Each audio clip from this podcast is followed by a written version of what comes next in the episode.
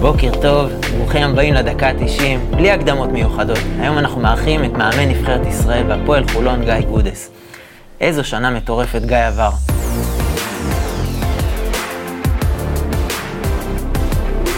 גיא, בוקר טוב. בוקר טוב. איזה כיף וכבוד גדול לארח אותך. כיף להתארח. כיף גם לנו.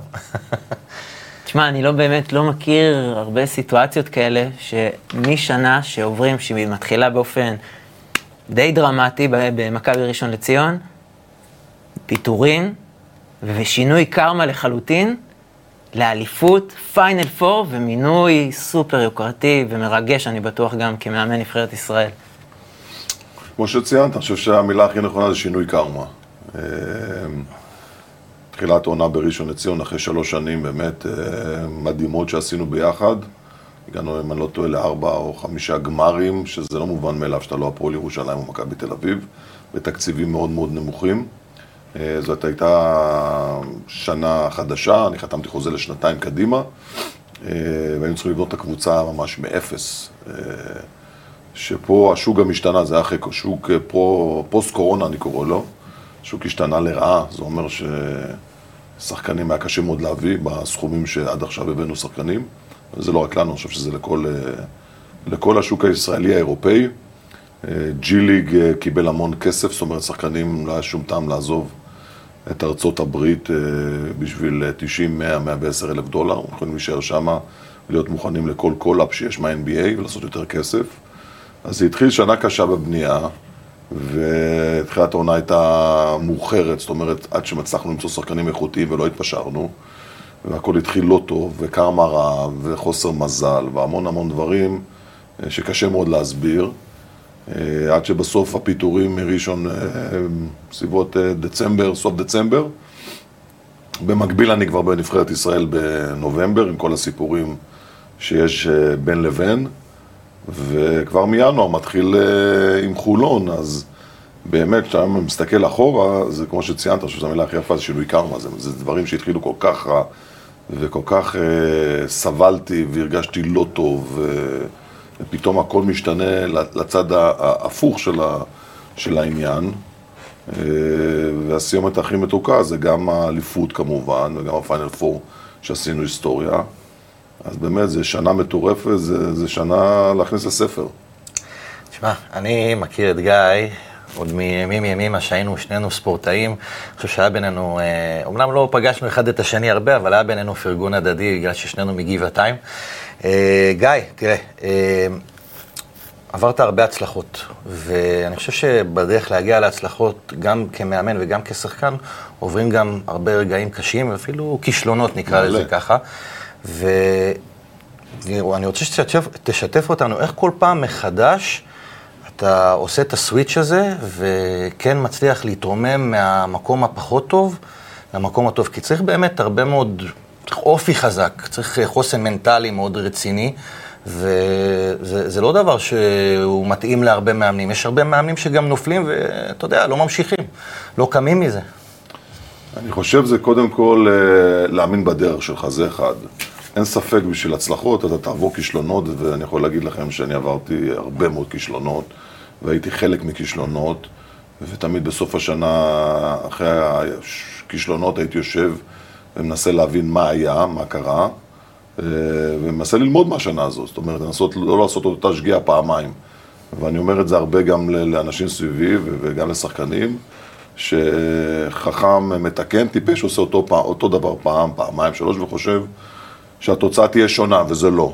אז אני חושב שזה קודם כל להבין אה, וללמוד מהכישלונות שלך, אבל מצד שני, כן להמשיך בדרך שלך, אם אתה מאמין שהיא דרך טובה. ואני חושב שזה מה שעשיתי בשנים האחרונות. אני חושב שאחד בתי הספר שלי, אפשר להגיד קורס מאמנים, עברתי את זה בסמינר הקיבוצים, אבל זה בשביל לקבל תעודה. אבל הקורס מבחינתי הכי גדול היה, זה ארבע שנים לעבוד עם דויד בלאט במכבי תל אביב. חושב שזה אה, הדבר הכי טוב שקרה לי בתור מאמן. לפני זאת אימנתי בהפועל ירושלים שנתיים, אבל הייתי מאוד מאוד לא יציב בדרך שלי. ותמיד אומרים למאמנים, אה, עבדתם עם המון מאמנים גדולים, אימנו אתכם, אבל כשאתה מתחיל להיות מאמן, אתה צריך לבנות לעצמך איזה דרך מסוימת, ולנסות לקחת מכל אחד אה, מהמאמנים שעבדת איזה משהו שאתה אוהב. ואז אתה בונה לך את האני מאמין שלך. אני חושב שזה מה שעשיתי, והחותמת הייתה ארבע שנים דיוויד בלאט, שהייתי צמוד אליו, עשינו באמת אה, שנים מדהימות עם השחייה בשנה האחרונה ב-2013-2014. מרגשת מאוד הייתה. שדרך אגב, שדרך אגב, זה, זה משהו שעם גיא אפשר אה, ללמוד ממנו, אז דיוויד כבר דיברו על אולי פיטורים ו- וזה, ואז נכון, הלך לפיינל פור. ו- אחרי הפסד מול נס ציונה, אם אני לא טועה, נכון? זה לא הפסד, זה היה תבוסה. תבוסה, כן. ונראינו ממש רע. יואו, זה מטורף. וכבר התחילו דיבורים, ואז יצאנו לאיזה משחק, אם אני לא טועה, בקובאן, משחק יורוליג, שהיה מאוד מאוד משמעותי. וכולם דיברו שאם חלילה קורה משהו אז יהיו שינויים והכל, ואני חושב שאחד הדברים שגם אני עשיתי עם דיוויד, זה השם שלי התערבב שם, שכאילו להחליף, אמרתי לו, תקשיב, אני לא מחליף אותך, אנחנו צוות, אה, בוא ננטרל רעשים מסביב, ונתרכז איך לנצח את המשחק, וזה מה שעשינו ביחד. אני חושב שהביחד בתוך הצוות, ואחד תומך בשני, אלה הדברים הכי משמעותיים ש, שיש בקבוצת כדורסל. מה הדבר הזה ש, שדייוויד בלאט באמת אה, גרם לך לסלול את הדרך, לקחת את האני העצמי שלי, שלך בעצם, לקחת אותו לשלב הבא? אני חושב שהדרך, אה, קודם כל מתחיל בקטע פסיכולוגי, העברת מסרים, אה, דברים שדויד מאוד מאוד חזק בהם. Okay. אוקיי. אם זה שיחות בחדר הלבשה, אם זה פרי גיים לפני משחק. אה, אם זה במהלך תיקון טעויות דברים, אם זה במהלך מסרים כאלה ואחרים, לדעת איך עושים את זה מהפן הפסיכולוגי, כי בסופו של דבר הספורט הוא נדבך מאוד מאוד משמעותי פסיכולוגי, אני אומר תמיד איזה 80-90 אחוז זה אחרי זה 20 אחוז שיש לך זה כישרון או דברים אחרים. אם המוח שלך אה, לא חזק, אז לא משנה אם אתה תהיה הכי כישרוני בעולם, אתה לא תצליח למקסם את הפוטנציאל שלך. ובזה דוד מאוד מאוד מצוין. וגם השיטות אימון, זאת אומרת, הוא הלך לקווים של אה, רוטינות ורוטינות ורוטינות, אפילו שזה משעמם, ואני בתור שחקן, גם כשהייתי אחרי לפני זה מאמן, הייתי מנסה כל הזמן אה, אה, שיהיה כיף לשחקנים, שלא משעמם להם, וזה לא תמיד נכון. אתה צריך לבנות איזו רוטינה מסוימת, כשברגע האמת, במשחקים הקרובים, יש לך את הרוטינה. כשאתה מדבר תמיד על לחץ, אז, אז ברגע שאתה עושה רוטינה, כמו ביחידה קרבית, הרי מתאמנת, לפני זה יציאה לאיזה משימה. אז היא עושה את זה עשרות פעמים, כדי שברגע האמת, כשאתה נכנס למשימה, אתה יודע לכל דבר מה לעשות. תמיד יש את הבלת"מים ואתה צריך להגיב בזמן, אבל אני חושב שהרוטינה הזו שאתה בונה זה אימון, ועוד פעם אימון, ועוד פעם אימון, אפילו שהוא משעמם. אבל זה עוזר לך ברגעי הלחץ לעשות אותם דברים כמו שתרגלת כל הזמן. וזה דברים שלקחתי. אני, אני עוד שנייה אתעכב על זה, כי אמרת משהו מדהים, שאני כיועץ מנטלי היום אה, חושב שהוא מדהים לכל בן אדם, בעיקר לספורטאים, הורים, מאמנים. אה, אמרת שבכישלונות למדת. ואני שנייה רוצה לגעת בקטע הזה, כי מה זה בעצם הלמידה? אנחנו לא נרד לפרטים הכי קטנים, אבל הלמידה זה בעצם אה, לקחת דף ולעשות פלוסים מינוסים, זה באמת לשבת עם איזשהו משהו אה, ולראות, אוקיי, מה גיא עכשיו צריך לעשות, איזה פעולות צריך לעשות בשביל ללכת קדימה, מה זה בעצם הלמידה שאתה קורא לה? אז אני אקח את הלמידה מהפן של מאמן, כדורסל, פחות, שחקן, אני אקח דוגמה קטנה. כשהייתי מאוד צעיר נגעת בקטע של דף אה, פלוס מינוסים. אבא שלי, זכרונו לברכה, לפני המון המון שנים, כשהיינו בצומת בגיל 19, לעבור או לגליל עליון, שמאוד רצו אותי, או למכבי תל אביב אחרי הפועל חיפה, ולא ידענו מה להחליט, זו הייתה דילמה מאוד מאוד קשה, מכבי תל אביב רוצה אותך, מצד אחד, מצד שני, הפועל גליל עליון הייתה קבוצה שמגדלת שחקנים, והפועל גליל עליון משלמים לי יותר כסף ממכבי, ולא ידענו מה לעשות, והיה לנו חשש לעבור.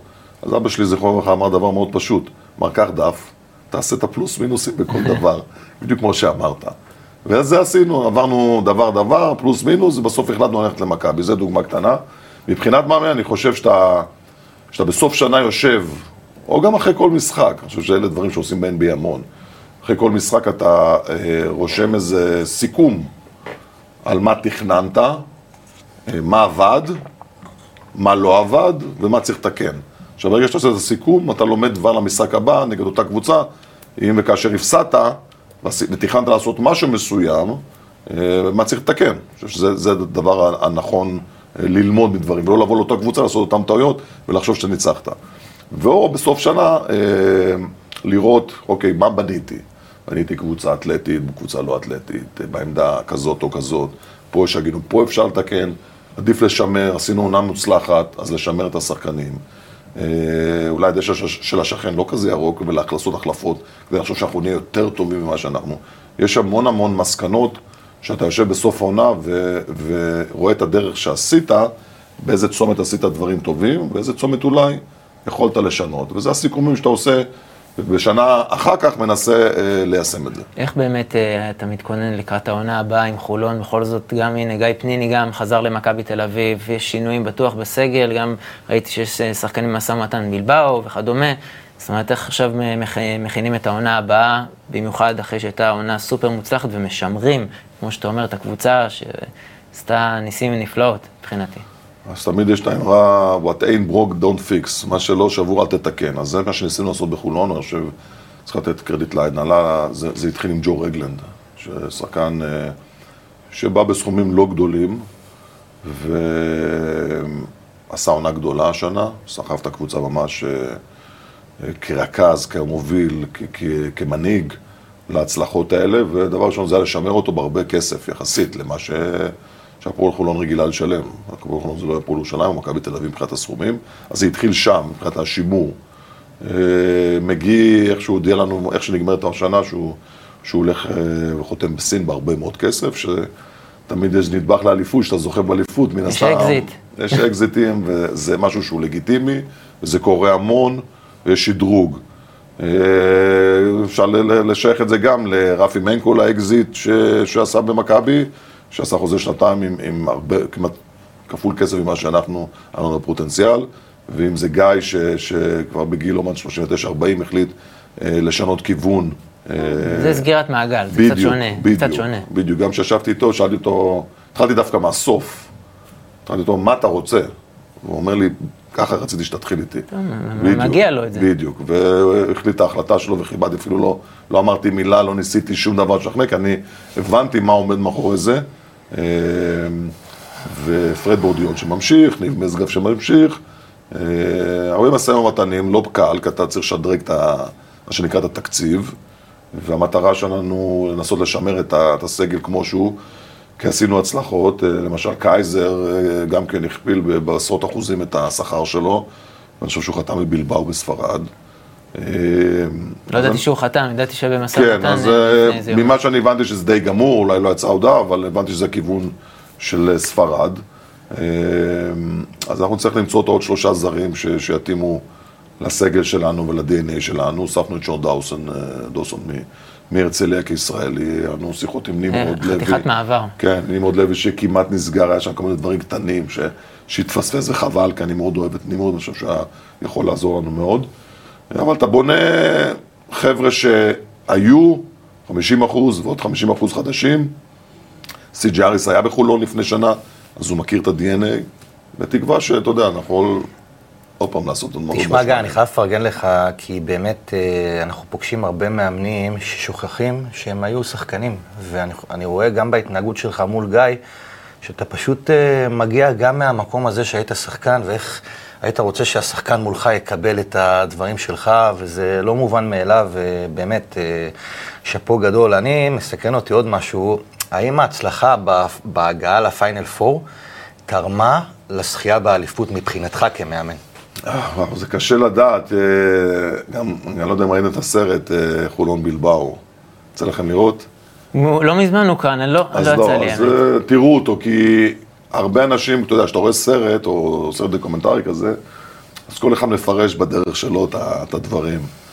אני אתן לך דוגמה קטנה. אני ראיתי את המשחק האמיתי. אז אני, אני אגיד לך דוגמה קטנה ב, בסיטואציה הזאת, אה, כולם מדברים על התקרית שהייתה לי עם קייזר במשחק אה, על 3-4. ואחרי שראו את הסרט, אמרו לי, זה הרגע שבתקרית שהייתה לך, ושארת הולכת על השעה ועשית שם סצנה גדולה מאוד, שם ניצחת את האליפות. עכשיו, אני לא רואה את זה, לא, חש, לא חושב על זה ככה, אבל יכול להיות שיש דברים מסוימים, כי ה- אנחנו בנינו, אני בניתי את, ה, את הפיק הזה של, של להגיע לפיינל פור בבלבאו, זה התחיל בחודש מרץ. זה כבר התחיל בקו העלייה הזאת, ועשינו שם באמת חודש מטורף, היה כמעט 13 משחקים בחודש, כמעט כל יומיים משחק, דחפו לנו המון משחקים, כדי שנוכל לצאת בשקט לבלבאו. וכשהגענו כבר לבלבאו, התחלנו קצת בירידה מסוימת. אה, למרות שהיה לנו משחק אה, לא רע בכלל נגד תנריפה, כן. ששלוש דקות לסוף היינו כבר בפלוס אחד, עם השלשה של רפי. אבל זה לא צלח והפסדנו, וכבר הייתה אכזבה, 3-4 זה המשחק הכי גרוע לשחק מבחינה מנטלית. ואחרי המשחק הזה, אחרי ההלבשה אמרתי להם, אתם צריכים עכשיו להחליט מה אתם רוצים לעשות. כי תמיד אחרי פיק, ואני מכיר את זה עם מכבי הרבה פעמים שאתה עף מאירופה ונגמר, יש ירידה מאוד מאוד קשה. ופשוט לא היה לנו זמן לירידה הזאת, כי אנחנו משחקים אחרי שלושה ימים עם גליל עליון בפלייאוף. בסוף אתם הפועל חולון, לא מכבי תל אביב. זאת אומרת, אין לכם תפעילו את היכולת הזאת אז זה הנושא. המנטלי, אני חושב שפה התחלתי את הפעילות המנטלית דקה אחרי המשחק בבלבאו. זאת אומרת, בחדר הלבשה שמה, כבר דיברתי על המשחק נגד הגליל בעוד אפשר שלושה. גם להריח את ההזדמנות, מכבי והפועל, ככה. ככה השנה. ואמרתי להם, אליפות על הרצפה. עכשיו השאלה מי הולך ולוקח אותה. וזה הכיוון, וחזרנו, באמת עשינו 3-0 מול הגליל, שאני חששתי מה, מהסדרה הזאת. אה, וגם, ב, וגם ב, בשדה תעופה שחזרנו מבילבאו, המון אוהדים, הרי האוהדים של חולון הם מאוד מעורבים. היה איזה פרלמנט וכולם באתי ורצו שאני אדבר, ופה... מה אתה, אמרתי להם, חבר'ה, אם אנחנו נעבור, אני, הסדרה הכי מפחידה אותי זה גליל, לא אחר כך. אם נעבור את הגליל, אנחנו הולכים עד הסוף. וככה זה היה, בסוף. תשמע, אני חושב שבכלל, חולון, יש לה אחלה facilities, כן. הם בהחלט יכולים אה, אה, לאט לאט להתחיל להשתוות גם למכבי וגם... אצטדיון ל- נהדר. אצטדיון מאוד מדהים. מכל אני חושב מקום, שגם מדהים. הארגון, הארגון ארגון. משתדרג, למד, רוצה ללמוד, זה לא מובן מאליו. ג'ו אלכסנדר שהתארח פה אמר שהמקום שהיה הכי כיף לשחק מבחינת ה-all over, זה קבוצה, נעים. תנאים, באמת, הסביבה, הבעלים, הכל, זה היה בחולון. ממש יש ככה. שם משהו מאוד מיוחד בתור אחד שעבר גם את מכבי תל אביב, גם את הפועל ירושלים. אמ, זה כאילו קבוצה של הקהל, זאת אומרת, יש שם קהל שאנשים שאולי מגיל אפס שם, זאת אומרת, אנשים מבוגרים, שזה לא מובן מאליו, וכולם מעורבים רגשית. והרגש הזה והמשפחתיות הזאת, והאהבה והאהדה וה- והכל סביב האנרגיה סביב הקבוצה, זה משהו שמיוחד, שיכול ללכת לשני הצדדים דרך אגב. כן. לחיובי וגם לשלילי. אבל... לא, אה, הקהל של חולון ידוע כקהל חם. ו- מאוד, מאוד, כן. מאוד דומיננטי, זו אווירה, אתה יודע, השנה אחרי שהאולם החדש נבנה, לא יודע כמה שנים, חמש, שש שנים, שבע שנים, השנה הזאת פעמיים האולם הזה היה מלא, לא היה אף פעם, זאת אומרת, נגד הפועל ירושלים. בחצי גמר, שפתחו יציאים, אף פעם לא פתחו יציאים. מגרש היה סולד אאוט, אחרי שניצחנו את הרצליה, למשחק השני לאליפות, אחרי שעה. סולד אאוט, זה לא משהו שמובן מאליו. בוא גיא, כשהיית שחקן, האולם הזה, הוא היה אולם, היו אולמות שראית אותם רק כשנסעת עם מכבי תל אביב לחו"ל. אני חושב שזה אולם בכל סטנדרט אירופאי, ובאמת באמת. אה, אפשר לדבר. אבל אני רוצה רגע שנעבור לנבחרת ישראל. אה, היו שני משחקים ממש אה, ככה חשובים להמשך הדרך. אה, המשחק הראשון נגד פולין, משחק של אה, ככה, התחיל בדאון, אחרי זה אפ לקראת הסוף, וככה בסוף ככה קצת התפקשל. הסתיים צורם. כן, ובמשחק שאחרי, אה, ממש התרוממות גם מנטלית של, ה... של כולכם. ו... גל מקל שלא שיחק בפולין, היה, מבחינתי כן. היה, איך אומרים, גבר גבר, שיחק. אותה. פקטור. גם, וגם תומר גינת היה נהדר. כן. איך אתה מסכם את זה ככה ב... את הקמפיין הזה. תראה, החלונות, קודם כל זו פעם ראשונה שלי שאני מאמן את הנבחרת עם חלונות, שזה בכלל, זה, זה, זה חיה אחרת לגמרי, כי כל חלון יש לו חיים משלו, תנאים משלו, שחקנים משלו, כושר משלו, ואתה אף פעם לא יודע לקראת כל חלון למה אתה ניגש. וככה זה היה מהחלון הראשון שהתחלתי בנובמבר, שהיה חלון מאוד מאוד מוצלח, וכולם באו מוכנים, וכולם היו בכושר, ו... ואחרי זה הגיע לחלון נובמבר, ש... אה, פברואר, שחבר'ה הגיעו פחות בכושר, מפציעות, ואז באמת אתה, אתה בסיטואציה שונה. וכמובן החלון הזה, שאני קראתי לו חלון המנטלי. למה חלון המנטלי? כי חלק מהשחקנים כבר סיים חודש לפני, חלק מהשחקנים סיימו פיק של אליפות למשל, אם זה תמיר, ו, אה, תמיר בלאט וזוסמן שבוע לפני המשחקים, אם זה רפי וגיא שבוע וחצי לפני המשחקים, ואיך אתה אוסף את כולם מסוף עונה שכבר אנשים די סחוטים כבר מהעונה, עליות וירידות, כל מה שתרצה, ופתאום אתה מתחיל איתם preseason מחדש. כששמים את המדים של הנבחרת, זה לא מספיק? זה לא מספיק. זה, אנש, זה עדיין מדובר בבני אדם, אפשר, ל- זה לא מכונות, זה לא רובוטים, וכשבן אדם בא מחודש הוא כבר די בחופש, מבחינה מנטלית הראש שלו די בחופש, עכשיו אתה מכניס אותו כמו מחנה אימונים חדש, זה לא קל. ובשביל זה אמרתי לחבר'ה, זה, זה חלון מנטלי.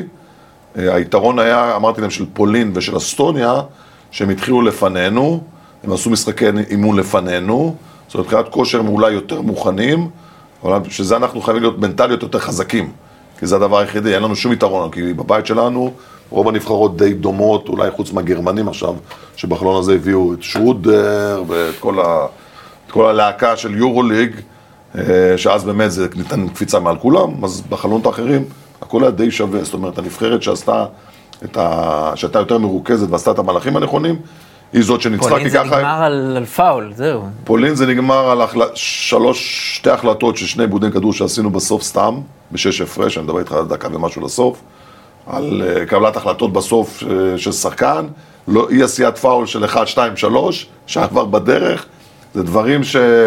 זה נראה לי נגמר בעונשין, האמת. דברים שאסור שיקרו, בוא נגיד. זה דברים שאחד הדברים החזקים של הנבחרת זה הקטע המנטלי והקטע של הניסיון. זה הניסיון. זה לא שאם אתה בא וקבוצה שנייה יותר טובה ממך, אתה אומר, זה לא החלון שלי, הייתי פחות בכושר, אבל פה, פולין פספסנו, ואני מקווה מאוד שזה לא יעלה לנו בהמשך. מה, איך אתה רואה את הפנים לקראת אליפות אירופה? אולי גם שחקן חיזוק? זה עדיין עוד לא נגמר, כי המצחיק הוא, כי אתה עובד ב... אוקיי. אתה עובד גם במונדו בסקט כרגע, נכון. וגם באליפות אירופה. זה אומר שיש לנו עוד חלון, עכשיו נכנסנו לפלייאוף, יש לנו ב-25 לאוגוסט חלון פינלנד בחוץ, ויומיים אחרי זה... נכון, הבתים, השני. ואחר כך אתה ישר יומיים אחרי זה נוסע לאליפות אירופה, שזה משהו אחר לגמרי. אתה מבין? אבל כרגע אנחנו מתרכזים בדבר אחד, המוקדמות אליפות עולם, פינלנד, שוודיה, אם, אם נוכל לנצח את שניהם, אז אנחנו באיזה חצי צעד קדימה. נקודה נקודה, כמו בדיוק, בטניס. בדיוק. תשמע, אבל זה נראה, נראה על פניו שאני מרגיש בכל אופן, שפתאום מצב הליגיונרים של אה, נבחרת ישראל, פלוס השחקנים שנמצאים ב... אה, בפיק טוב פה בארץ, מביא למצב, אני חושב בכל אופן, שלא היה אף פעם בנבחרת ישראל מלא שחקנים טובים. שזה נותן אה, מצד אחד אה, כאבי ראש למאמן, מצד שני, איזה מאמן לא היה רוצה שיהיה לו כזה סגל כזה נוצץ ובשחקנים טובים ואיכותיים גם, הייתי אומר. נכון. אגב, דני מגיע לאליפות אירופה? אה, אני צריך לדבר איתו, אני. קודם כל יש לנו את המוקדמות, כמו שאמרתי, ב-25 כזה, זה, לא זה צמוד, לא, זה צמוד. לחלון הזה רצינו שהוא יבוא, דיברנו, בסוף הוא החליט ללכת לעשות אימונים אישיים בוושינגטון כדי להשתפר בדברים מסוימים, אז ויתרנו. אני מאוד מקווה שהוא יגיע קודם כל לחלון הזה של מונדו בסקט, אבל הוא, הוא צמוד כאילו לאליפות אירופה, זה, זה כאילו, אתה ממשיך את זה קדימה.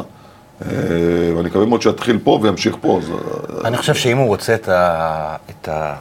אתה יודע, את האהבה הזאת של כל הישראלים ביחד איתו ב-NBA, אני חושב שוואלה, הייתי ממליץ לו, הוא חייב, הייתי ממליץ לו. מה, אנחנו רואים את טוני פרקר שהיה תמיד מגיע. אתה רואה קודם כל את דונצ'יץ' בחלון עכשיו, של עכשיו, שג'ני כאילו לא היה. היה דונצ'יץ', היה אה, עוד איזה שחקנים... אה, מרקנן מפינלנד ששיחק... כולם, כל שחקני NBA הפשילו שרוולים, אני קורא לזה. ובאו לייצג את המדינה. אילן אבל נגע בנקודה מאוד מעניינת, גם אתה שיחקת בספרד, וככה קנטבריה נראה כן, לי. כן. אנחנו, דרך אגב, מאותו אזור. אה, נכון. אני הייתי בסנטנדר, וסנטנדר זה בתוך חבל קנטבריה, כאילו נכון, סנטנדר, אני הייתי יוצא לשם, היינו יוצאים לבלות הרבה, כי איפה שאני גרתי זה היה חצי שעה משם. גדול. גיא, אחת הערים המדהימות בעולם. מדהימות, זה עיר הקיץ של ספרד. אבל מה שרציתי להגיד, שיש, אה, שאילן אמר, אה, ציין שיש המון ליגיונרים היום. ומה דעתך? היום כבר אין הרבה, כי תומר גינת חזר. אחד חזר, אבל בסופו של דבר יש לא, את יובל, כן, יובל, ים, ודני, ו... זה רק תורם. זה רק תורם לדעתך? אני חושב שככל שיש לך יותר ניסיון בחוץ, אתה כשחקן, אתה הולך ומשתפר, אתה לא נמצא בבועה שלך של... יכול להיות, תומר שיחק ב... בוא נגיד, זו קבוצה דרג, בדיוק, דרג אה, ב' ג' הייתי אומר אפילו. לא, הוא שיחק במטרופוליטן, שהיא קבוצה שקודם כל הובילה את הליגה הצרפתית. אוקיי. שיחקה ביורו קאפ, אז אירופה מי לא הגיע ל... לא, זה לא יורו ליג, זה אני אומר, זה לא דרג א'. זה דרג שני. דרג שני. זה הולך דרג ראשון יורו ליג, דרג שני יורו קאפ, דרג שלישי זה איפה שאנחנו משחקים בצ'מפיונס ליג. וכן הלאה וכן הלאה.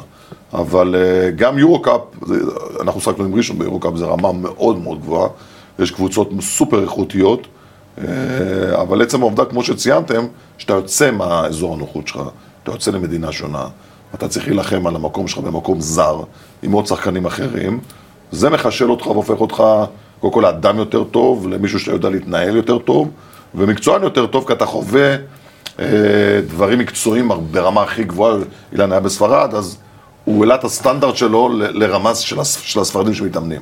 ואני חושב שזה הדבר הכי, הכי חשוב, כמו שאני, שנסעתי לאיטליה ושיחקתי שם, ושיחקתי בספרד. הרמת אימון היא שונה מאשר אה, פה. אנחנו כאילו חושבים שכל העולם שלנו זה, אנחנו המצאנו את העולם, אבל זה לא. אה, יובל- עשה צעד, גם ים, האמת, ים הדר. יובל, שאתה רואה אותו עכשיו בנבחרת, למשל, נגיד בשני המשחקים שהוא היה, יותר אקטיבי. אתה אומר, וואו, זה כאילו אקטיביות וקבלת החלטות וביטחון. כן, אתה מעלה את. הביטחון שלך אתה- וגם אתה משחק ביורוליג, הוא משחק ביורוליג, אה, אז יורוליג זה רמה הכי גבוהה שיש. אני לא אשכח איך שהוא שמר מול צסקה מוסקבה, והוא היה שומר המצטיין, ואז פתאום הייתה לו את כל הפציעות ונפילה, ועכשיו הוא בדרך אה, לגמרי יש לו. את כל הכלים, שזה אני אומר, נגיד, גם נגד גרמניה, אה, אם הוא היה נגיד נגד גרמניה, למשל, היה לנו מישהו שמסוגל לשמור על הרקה שלהם, שעשה לנו שם איזה 30 נקודות. אז אתה, אתה צריך שחקנים ש... מה שחוב- אתה אומר באמת ליובל זוסמן כדי לקחת את ה... איך אתה מדרבן אותו כן כדי להיות יותר אקטיבי? כי זה נראה כאילו באופי שלו שהוא קצת כזה אדיש והכל. אני חושב והולך. שזה זה הסגנון שלו, אני חושב שזה האופי שלו.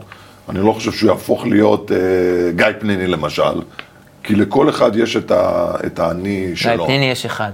לא, לא, זה לא משנה, אני אמרתי דוגמה גיא אוקיי. פניני, אני יכול לתת לך דוגמה קיצונית של מישהו אחר, אבל לכל אחד יש את האופי הפנימי שלו, נכון. ויובל זה גם הקסם שלו. אז הוא לא יתפרע והוא לא יעשה דברים, יש לו את השקט שהוא משחק בקצב שלו, באינטנסיביות שלו, וזה לאו דווקא רע. אני לא חושב שזה לא, רע, אני חושב חלילה. שאולי יציאה מאזור של מכבי תל אביב, מהקטלוג אני אגיד, של משהו מסוים, שכבר קטלגו אותו, ואני מרגיש את זה גם איך שהוא מתראיין, שטוב לי שמה. כי שמה מתייחסים אליי כיובל זוסמן. לא מקטלגים אותי כמישהו שהוא אה, ככה, ככה וככה. ואני מרגיש את זה גם, גם כשאני יצאתי לחוץ לארץ, אחרי הפציעות שלי, קטלגו אותי כפצוע, כמישהו שכבר לא יכול ולא ולא ולא. כשיצאתי לחוץ לארץ, גם לאיטליה, גם ספרד, הייתי כגיא גודס, לא הייתי כמקוטלג, אה, הוא עבר פציעות בברך, ואולי הוא יותר איטי, ופחות זה ופחות זה, כשחקן כדורסל. לפעמים מח- מחפשים את השקט הזה כדי לטפס הלאה, אני חושב שזה מה שהוא עשה.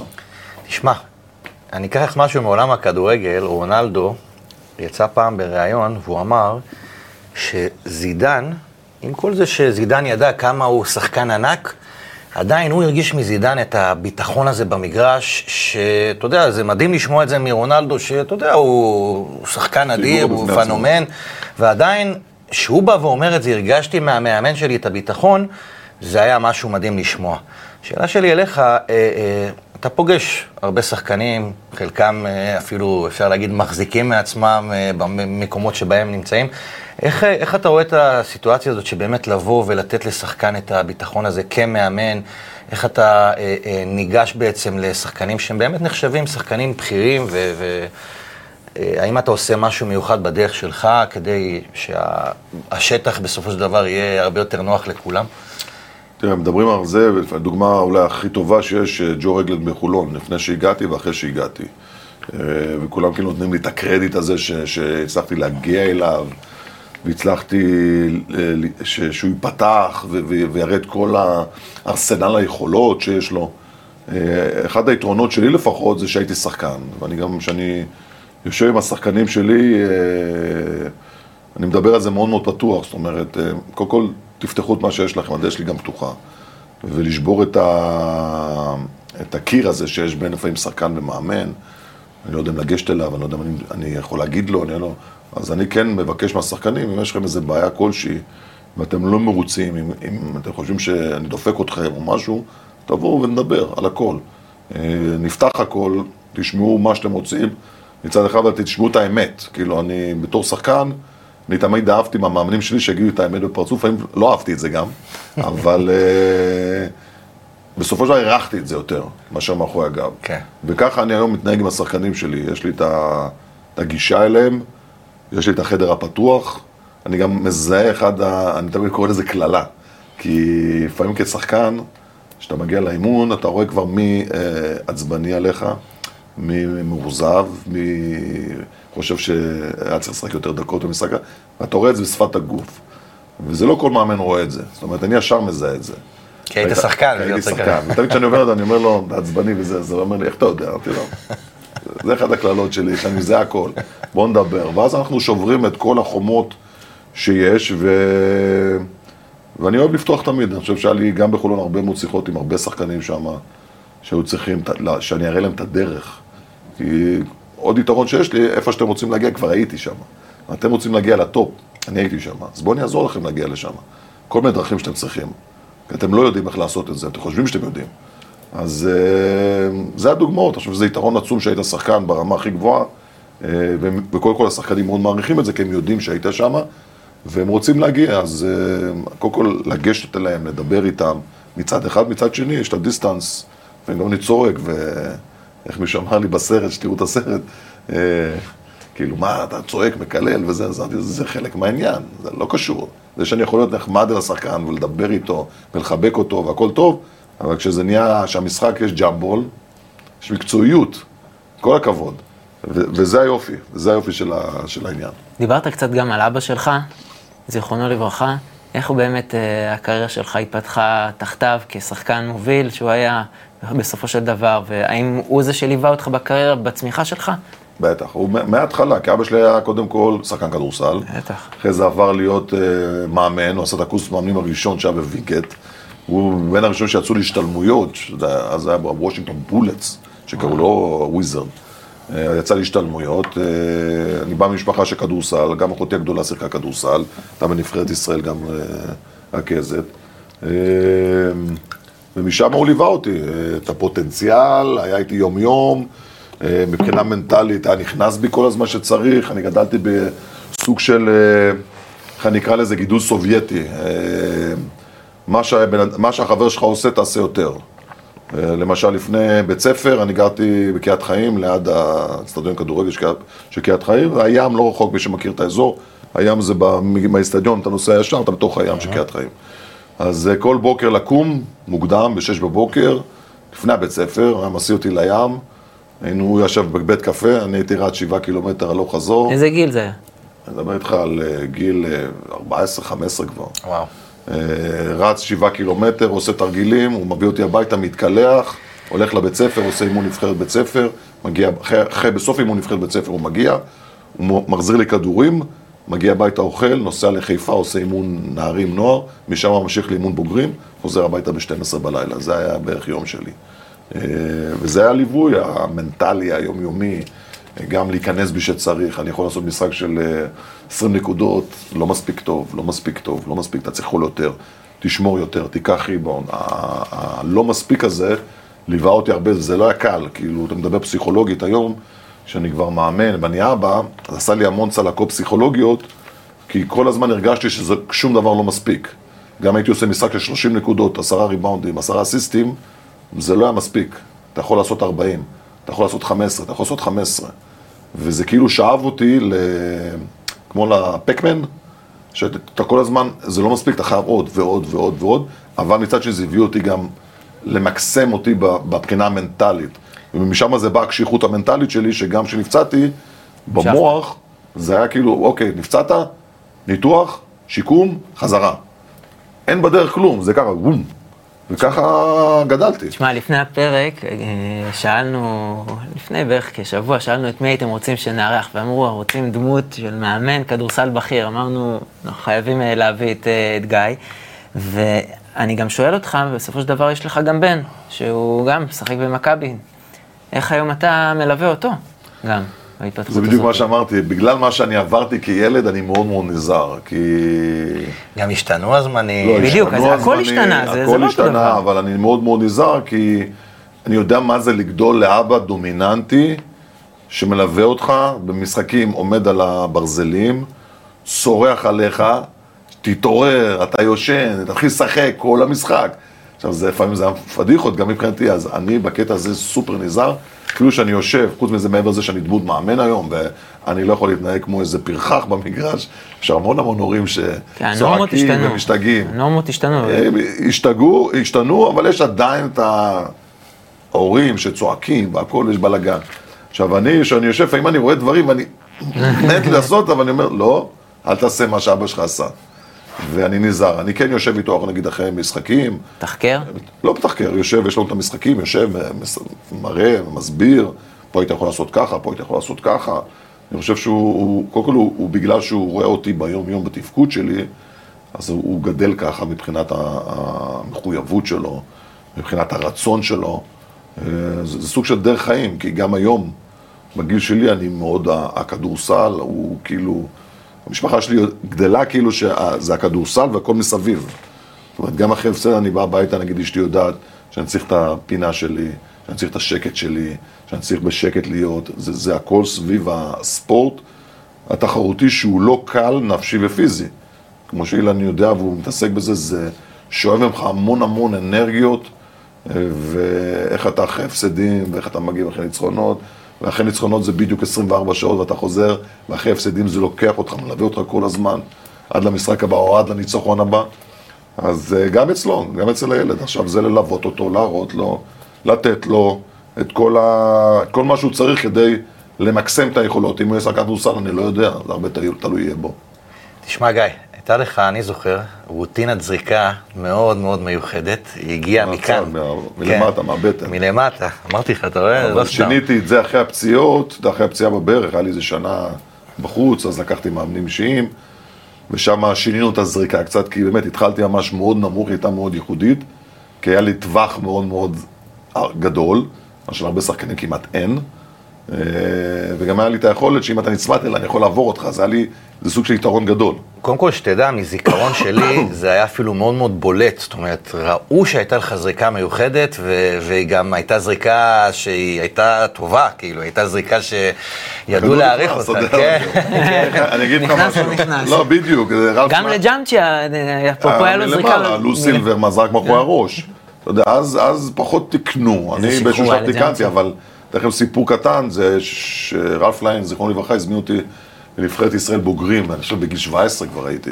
וואו. זה היה במכון וינגייט בי"א, ואני זוכר עד היום את זה, אני לא זוכר המון דברים, כי היה לנו מלא, אבל את הרגע הזה אני זוכר, האימון, ואני באתי לפני וזרקתי. ואז רלף ניגש אליי, אמר לי, תקשיב, יש לך זריקה לא טובה, אבל אתה, הכדור מסתובב אצלך כל כך טוב, השורש כף היד עובדת, אני לא נוגע בזה. תמשיך לקלוע.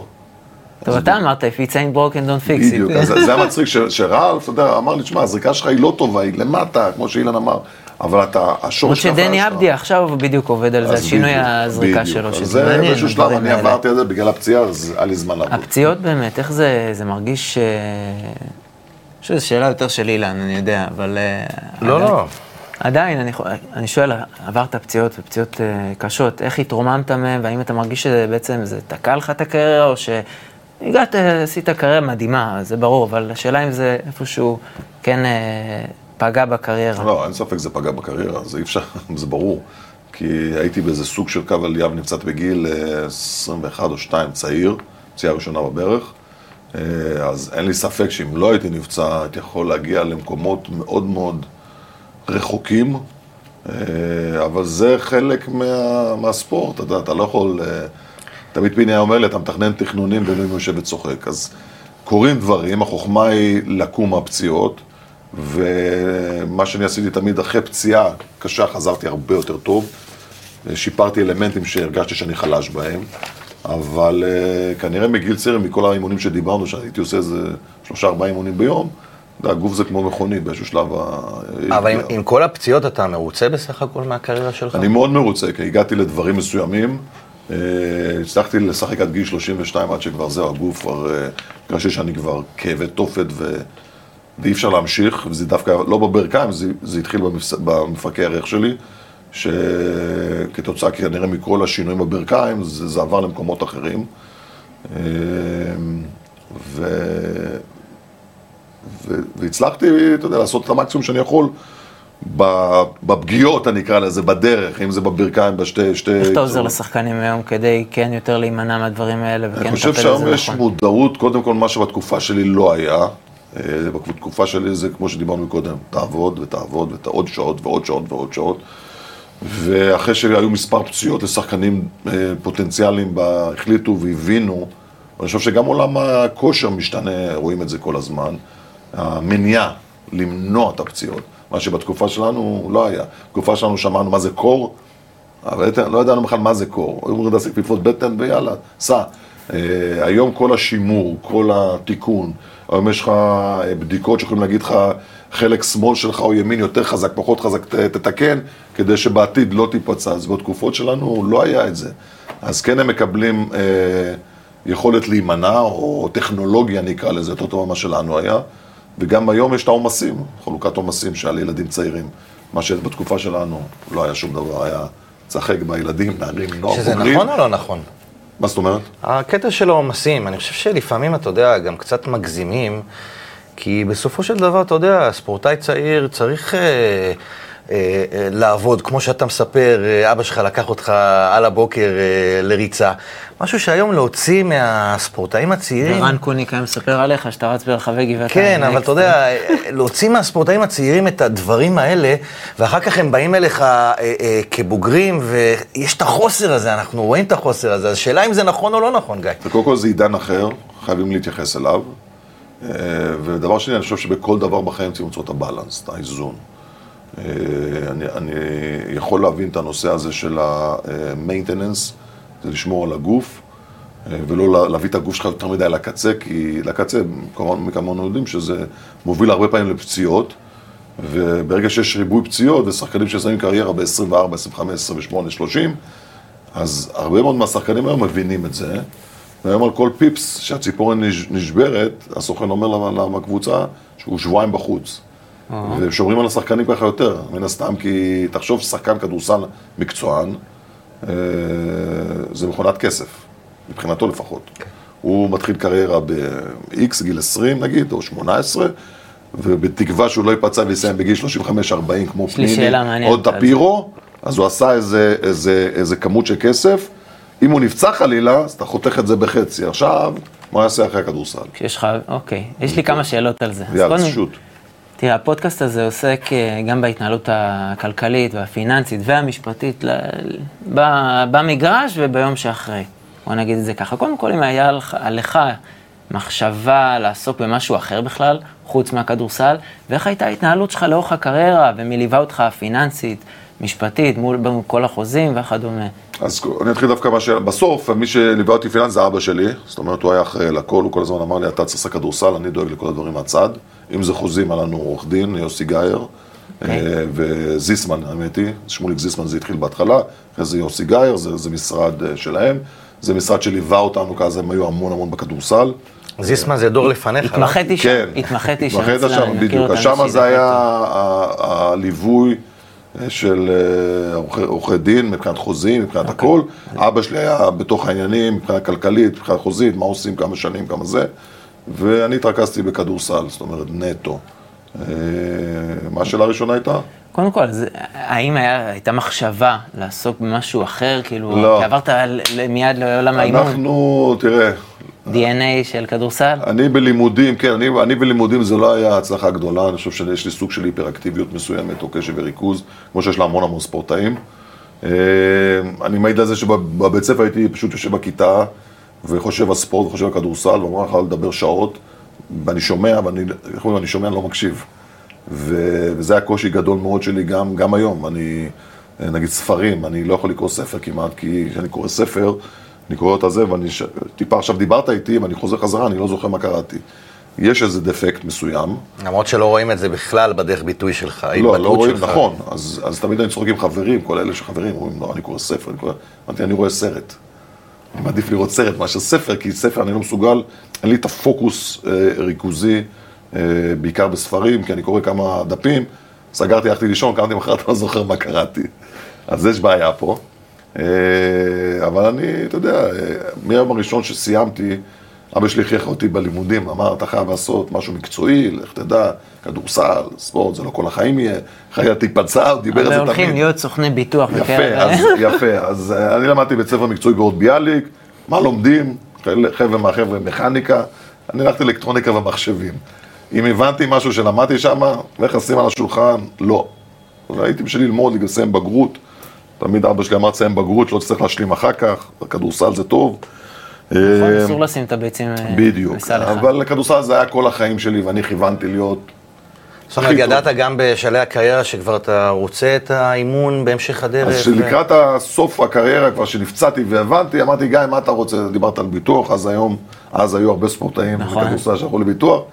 אמרתי, לא, אני לא, איש- אני לא יכול למכור למישהו משהו, אני לא סוכן מכירות או משהו, זה לא אני. עזוב אותי מלמכור פוליסות. כן, לא, אני לא, אני לא שמה, ואז אמרתי אימון. אני יכול ללמד, יש לי המון ידע, אה, יש לי סבלנות במגרש, המגרש זה, ה- זה הבריכה שלי, זה המקום שאני חזק בו. כשאומרים אני דוקטור פרופסור, אז אני, אנחנו דוקטורים פרופסורים לכדורגל, לכדורסל, כי מגיל שמונה אנחנו במגרשים. ככה אני תמיד אומר, אתה פרופסור לזה, אני פרופסור לכדורסל. כי כל כך הרבה שנים, יש את החוק ה... 4,000, 6,000 השעות שאתה עובר, 10,000. 10,000 השעות, כן. שאם אתה עושה משהו אתה נהיה אה, פרופסור או מתמחה בתחום. נראה לי שעשית 50 אלף מינימום, אבל בסדר. לא, בדיוק. אז, אז uh, הלכתי ללמוד קורס מאמנים במקביל, אוקיי. וסיימתי אותו, אמרתי תעודת אימון קודם כל. וכשפרשתי בראשון בגיל 32, אוקיי, יאללה, בוא נתחיל לאמן. והחוזה הראשון שלי היה בגרוש וחצי, 5,000 שקל בחודש, אה, בראשון, עוזר מאמן. אז אמרתי ליושב ראש, תקשיב, 5,000 שקל, אני גומר את זה ביום. אני לא יכול לחיות ככה. אז אמרתי, טוב, אתה נחמד, בוא ניתן לך עוד, אה, תהיה מנהל מקצועי בבית ספר לכדורסל, ותאמן קבוצה. אתה מבין את המעבר שאתה מדבר עליו? זאת אומרת, דיברנו על זה. שיש את העשר שנים, שאנחנו עשר שנות השתכרות בפיק גבוה, בוא נגיד חמש שנים, שזה הפיק של. ההשתכרות, כמו מנכ"לים אפילו של חברות ציבוריות, לא, לא צריך להתבייש ולהגיד את זה, וגם ב- ביושר, כי כולם רוצים להיות שם ועל הכיסא הזה, ופתאום אתה עובר ממצב כזה. ונסגר השלטר. כן. זהו. ואתה מתחיל מחדש. וכל מה שאתה חושב שעשית, הוא לא קיים. אתה מתחיל מאפס בתור מאמן. ואתה צריך להוכיח את עצמך כמו שהתחלת בתור ילד בגיל 15 וחצי בהפועל חיפה, במשחק הראשון שהכניסו אותך למגרש. אז אתה מתחיל מאפס. אז אה, בנו לי שני תפקידים, שזה יגיע ל-13,000. היה לי קצת מהביטוח שפרשתי, עוד איזה כמה גרושים. והתחלתי מאפס. אימנתי כיתות א'-ב'. והייתי מנהל מקצועי של הבית ספר, ואחר פתאום היה לי תפקיד להעלות את כמות הילדים. עשיתי דברים שלא הייתי רגיל, ואימנתי, הייתי עוזר בבוגרים, ופתאום פיטרו את המאמן אחרי חודשיים, אמרו לי בוא תהיה מאמן. ומשם הכל, התח... הכל השתנה, וכמו שאמרת, חלון הזדמנויות. שאני אומר לחבר'ה צעירים, יש דלתות, נכנסת, עכשיו זה התפקיד שלך. פונים אליך, אגב? פיטרו אותי, פיטרו אותי, נגיד, מ, מ, פיטרו אותי, סליחה, פיטרו את המאמן, שמו אותי כמאמן פתאום. עכשיו, אני עומד על המגרש, זה היה סוף שנה, וכל הידע שיש לי, אני מרגיש כאילו אני חסר אונים, ואני עכשיו צריך לאמן קבוצה. עכשיו, יש לי טון של ידע. אני אשב מדבר על כדורסל, אני יכול לספר לך הכל. אבל פתאום לנהל קבוצה, לנהל, זה, זה דברים שהיו חדשים. עולם אחר, כן. עולם אחר, עמדתי, ופתאום הרגשתי, אין לי שום שליטה על מה שקורה במגרש. שנה אחר כך, שזה ההזדמנות, חלון הזדמנויות שאני מדבר על צעירים, אמרו לי, בוא תאמן את הקבוצה. אתה צריך לבנות קבוצה מאפס. וישבתי ודיברתי וראיתי קלטות וראיתי השתלמויות, ואמרתי, גיא, מה אתה רוצה, איך הקבוצה תיראה, באיזה שיטה, במה, נו, מי. בניתי את השיטה שלי, הייתה מאוד ייחודית, והבאתי שחקנים, עשינו מקום שלישי בליגה, ומפה נפתח הכל. אז אני מספר לחבר'ה צעירים, זה יכול להיות הסרט ההפוך. הייתי מקבל הזדמנות, לא היה עובד, היו זורקים אותך, ושם אתה מחפש את הדרך שלך. אני חושב שכאילו, גם אם כבר המסקנה, תשמע, היה לך מזל גדול וגם אתה איש מקצוע מכובד, אבל בסופו של דבר נראה לי המזל היה אפשר לתכנן אותו ולהגיד אפילו כבר בגיל 27, 25, לתכנן מה אתה עושה ביום שאחרי. אני לא יודע אם זה מזל, זה עניין של החלטה נכונה, זה, אתה יודע, כשאתה מדבר נגיד עם דיוויד, ויש לי המון שיחות איתו, שאתה אומר לו מזל, הוא לא מאמין במזל. הוא אומר, היכולת, עוצר את זה. הוא אומר, בדיוק. אני גם, הוא אומר, היכולת שאתה עושה, נותנת הזדמנות למזל. כי אם לא תעשה, אז המזל לא יבוא. כן. זאת אומרת, אם אתה רוצה לזכות בלוטו, אם לא תמלא, אז לא יהיה לך סיכוי. גיא עשה דברים שגרמו למזל לרדוף אחריו. בדיוק, להיות שם. זאת אומרת, כן. בשנה הראשונה, שזו הייתה שנה מפתח לכל מאמן, וכל מאמן צעיר שמתחיל, אני אומר לו, השנה הראשונה היא מפתח אצלך, אם הצלחת, אתה בפנים. ש- שמעתי. קיבלת את הכרטיס. שמעתי בפודקאסט, זה קצת מתקשר למשהו שאמרת בתחילת, ה... בתחילת הפרק, אה, משהו שדריימונד גרין אמר בפודקאסט שלו על, המ... על הרצון של קווין דורנט לעבור, הוא דיבר שאנשים לא מסוגלים לקבל את העובדה שספורטאים היום הם businessmen, ולא לא רק נטו ספורטאים, מה אתה אומר על זה? אני יכול להבין אותו, כי קודם כל, אם אתה מסתכל על ה-NBA, על הכמות כסף שהם עושים, הם, הם צריכים לנהל אותו. ויש המון המון אה, סיפורים של שחקני עבר מדהימים, שעשו מיליונים, ונשארו בלי כלום, כי לא ידעו לנהל את זה.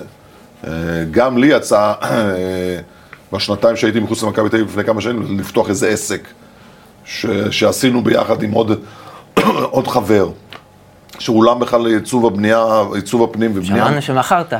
עשינו זה, הכנסנו שותפים, אבל זה עסק שהתחיל מאפס, אז השנתיים שלא עבדתי בכדורסל, שכמעט הוציאו אותי מעולם הכדורסל לגמרי, וזה זה היה עולם עסקי ש, שהקמנו עסק, ו, ועברתי במכירות, ועשינו דברים ביחד, ופתאום העולם הכדורסל כבר לא עניין. היי, אתה מדבר שזה עסק כבר שכבר פועל 15... זה, לא, זה עסק שכבר אנחנו שש שנים. שש שנים, אוקיי. שש שנים. אז אני אומר, בשנה, בשנה, בשנה שפוטרתי ממכבי, היה לי איזה אה. שנתיים רווח. אוקיי. הייתי בחוץ שנה, בשנה אחר כך הייתי עוד שנה בחוץ, זאת אומרת, מכבי שילמו לי עד סוף העונה, והיה לי עוד שנה. בשנה השנייה לא, לא אימנתי. מדהים, אז הייתי איזה. שנה וחצי שהקמנו ביחד עסק, ואחר כך היה עוד פעם את ההזדמנות לחזור לכדורסל, וחזרתי. אבל אה, אני יכול להגיד, לספר בכנות, שזה כאילו באיזשהו שלב כבר הוציאו אותי מעולם הכדורסל. זה כאילו כבר, שזה קורה הרבה לס- לספורטאים. שמתחילים איזה עסק אה, נדל"ני או משהו, ואומרים, מה, מספיק. גיא, תשמע, אנחנו, אם נדבר על הכדורסל הישראלי, אז יש שני דברים שככה אני שומע באופן כללי. אה, המעמד של הכדורסלן הישראלי. כל הזמן מדברים על זה, יש יותר מדי זרים, אה, מתאזרחים וכל הדברים האלה, ובאמת, אני, אני חושב שאם הייתה יותר במה לכדורסלן הישראלי, היינו מגדלים פה עוד יותר שחקנים, ולא רק, אתה יודע, בטיפין-טיפין מקבלים את הממש אה, זה. מה, מה דעתך בקטע הזה? אני קצת אה, חלוק על על הדעה הזאת. אני חושב שבסופו של דבר אתה צריך להיות שחקן כדורסל ואתה מספיק טוב, אתה תתאקלם בסיטואציה שיש. אני חושב שהיום, אם אתה מסתכל על היום, ואולי שנה שעברה, אפילו השנה הזאת זו הדוגמה הכי טובה, המצב של השחקן הישראלי הוא הכי טוב שהיה בשנים האחרונות, גם כלכלית, אתה רואה שחקנים שחתמו חוזים בעשרות אחוזים ממה שהם היו לפני זה. ואפילו שיש אה, שחקן אחד שאתה יכול להשתמש לו, לא החוק הרוסי שהיה שניים. אה, הביקוש לישראלים הוא בשיא, יש לנו ישראלים מצוינים, שזה, חלון הערבה זה הנבחרת מן הסתם, ואני אלך אחורה, נבחרת העתודה שעושה הצלחות, נבחרת הנוער, נבחרת הקדטים, מגדלים, אבל אה, אה, הבעיה שלי, אני אגיד לך מה הבעיה שלי, בגלל שאני קיבלתי הזדמנויות, ב- כמו כל החבר'ה הצעירים, בגיל 15 וחצי זרקו אותי למגרש, הבוגרים, ו... והצלחתי. זאת אומרת, יכולתי גם להיכשל. ואז יכול להיות שבכלל לא הייתי משחק, ואז יכול להיות שהייתי נזרק בכל מיני מקומות. אבל כשיש לך הזדמנות, תיקח.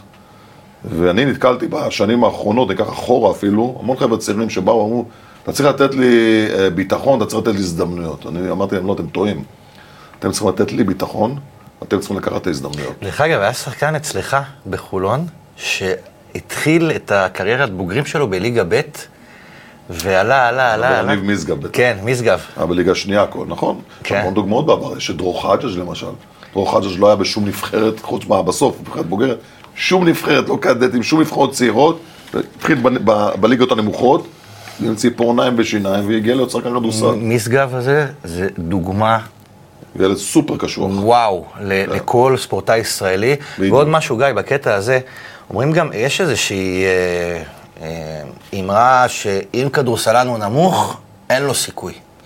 זה לא היום בכדורסל של היום, פעם אולי, לפני כמה שנים זה היה ככה. סטף. קרי קצת משנה את החלום. שינו המון, אה, אתה אתה רואה המון- המון המון שחקנים צ- אה, אה, נמוכים שעושים מהומות, ו- וזה מצליח, אבל אתה צריך להיות פנומן ברמות, כי כי המשחק הלך להיות יותר גבוהים, יותר אתלטיים, והנמוכים יותר הם צריכים להיות באמת עילוי בדברים שאתה רואה נגיד תמיר בלאט, הוא לא גבוה, אבל ה-IQ כדורסל נוזל, קבלת החלטות, אי אפשר ללמד. זה גם משהו ב- בזריקה שלו, כאילו כזה השחרור. הכל מהיר, הכל זה, כן. קבלת החלטות, מסירות שאתה אומר, בואנה, מה זה? זה, זה גאונות. אז אתה צריך להיות מאוד מאוד, אה, להתמקצע בדברים מסוימים שאתה, שאתה, או שאתה מהיר מדי מאוד, או שאתה מסוגל לעשות 30 נקודות, אתה מבין? אבל אה, נחזור למה שדיברת, אני חושב שיש שחקנים מצוינים, ואני חושב שמקבלים הזדמנויות, צריך לקחת אותם. ולי יש קושי עם הבכי הזה קצת, כי אני לקחתי. כן. אני לקחתי, כי אני גם יכולתי, ואני אני מרצה על זה גם, מה היה קורה אם הייתי מקבל ולא נותן. ומקבל ולא נותן. עכשיו, יש מאמן, אומר, לא נותן, שף חמוד, הבא בתור. ודבר- אתה מבין למה, אני לוקח את זה? וזה הבעיה שלי הרבה פעמים, כשאני יושב עם שחקנים צעירים, אני כל הזמן מספר את ההזדמנות, מה שאני עשיתי. מדהים. וזו הדוגמה הכי נכונה, תבואו לקחת. אף אחד לא ייתן, מאמן לא. אני גם, אתם רואים אצלי, אני בשביל, יכול להיות שחקן שפתאום יעלה, ויהיה מצוין וישחק 30 דקות. ושחקן חמישייה פתאום לא ישחק. תבוא, תיקח, תהיה טוב, תקבל. ואני שומע את זה שאני מנסה להחתים שחקנים צעירים היום, אני שומע אה, מה, כמה אני אשחק, איפה הרול שלי. אז אין לכם, אין אה, גרנטי לשום דבר. כן. תבוא, תיקח, תיקח דקה, נסה לקחת חמש דקות, נסה לקחת עשר דקות, נסה, זה תלוי בך, לא בי. כאילו, לא, לא בי, בך. וזה הדרך שצריכה להיות. גיא, יש לנו פינה שאנחנו מסיימים איתה, פינה 90 שניות, ואני רוצה ככה לשאול אותך כמה שאלות, ואז אבידור. אז שאלות כאלה של? שוט, וכן, וכמה כמה שתוכל... אה, זה. אז אה, מה יותר מרגש, לקחת אליפות כשחקן או כמאמן? מאמן, נקרא. מאמן. אוקיי. אה, מה הכי רחוק היה יכול להוציא גיא גודס בשיאו? הכי רחוק? כן. NBA. NBA. וואו. אה, תשלים, להיות מאמן זה? מזוכיסט. מ-1 עד 100, מה הייתה ההרגשה שקיבלת את ההודעה שאתה מתמנה למאמן נבחרת ישראל? 100. חלום. 100. חלום. כן, תשמע. אה, בשלוף, תמנה שלושה דברים שאם נשנה אותם במיידי, נוכל לשפר את הכדורסל הישראלי. זה נושא לפודקאסט, אבל כן. בום, בעירייה. אה, אין לי, עכשיו... אה, אחד. עב- עבודה דרך עבודה, מנטליות יותר חזקים, אה, לא יודע. לא יודע. אוקיי. טוב, הרגע הכי גדול שלך כשחקן וכמאמן. כמאמן זה גם הזכייה עכשיו באליפות, שהיה משהו מיוחד, וגם הזכייה עם דיוויד בגביע אירופה. זה משהו שאני זוכר שישבתי במטוס, ראיתי חולצה של אליפות, וזה מה שחסר לי. כי גם כשחקן לא היה לי גביע אירופה. מדהים. מה דיוויד בלאט ופיני גרשון מסמלים עבורך? אה, הם תמיד אמרו שאני יכול להגיע הכי רחוק שיש, אז אני מנסה למקסם את זה. טוב, חוויה אחת ענקית שהייתה מאותה אליפות אירופה עם דיוויד? זה בסוף המשחק, ה- זה היה שם מהפכים שאי אפשר להסביר, זה לא היה משחק, זה היה זריקות בשניות האחרונות, סלים בשניות, זה, זה כל הקהל, כולם יורדים. אני חושב שמילאנו הייתה צהובה. זה, אולי הרגע הספציפי זה ששתי הקבוצות עלו למגרש, וכולם חשבו שהם משחקים ב, ביד אליהו. היה עשרת אלפים צופים צהובים. אני לא דווקא לא אשכח את המשחק נגד מילאנו, עם ריקי איקמן, זה הטירוף שהיה לפני, ה- לפני פה בהצלבה. נס מילאנו, על זה מדברים. אוקיי, כן. אה, מה הציפיות מנבחרת ישראל באליפות אירופה? אני הציפיות שלי הכי גבוהות בכל מה שאני נכנס, ואני גם אמרתי לשחקנים את זה, את זה אה, כל מה שאני לוקח, אני מנסה לעשות הכי טוב שיש, ואני מצפה שמי שאיתי, גם כן יעשה את זה. עכשיו שאלה מחוץ לקופסה, יש סיכוי לראות אותך כעוזר מאמן ב- ב-NBA? תמיד יש סיכוי, זה, או באירופה זה אפילו, חלום. כמאמן. לא, אירופה כבר, אני לא חושב שאני אהיה עוזר מאמן, גם לא ביורו. לא עוזר מאמן, מאמן ראשי. אה, מאמן ראשי. לא, מאמן באירופה ראשי, זה מאמן ראשי. כן, אולי, אתה יודע, זה עניין של גם כן סיטואציות. אה, עוזר מאמן אה, ב-NBA זה משהו שאני, נבן ספחיה פתח לי זה גם בתקופה שהייתי שנתיים בחוץ, הזמינו אותי לאטלנטה, הייתי מייק בודנהאוזר, אחד המאמנים הגדולים ב-NBA, הייתי איתם אה, סוף שנה אחת, ושנה אחר כך באתי לכל, להיות חלק מהצוות בתחילת האימונים. הייתי חודשיים איתם, צמוד. וואו, חוויה צמוד, אני אומר לך צמוד באימונים, צמוד ברוחות, עם המאמנים, הכל. זה עשה לי שינוי גם כן, זה נתן לי טק, איזה משהו ו- וזה פשוט חוויה לעבוד שם.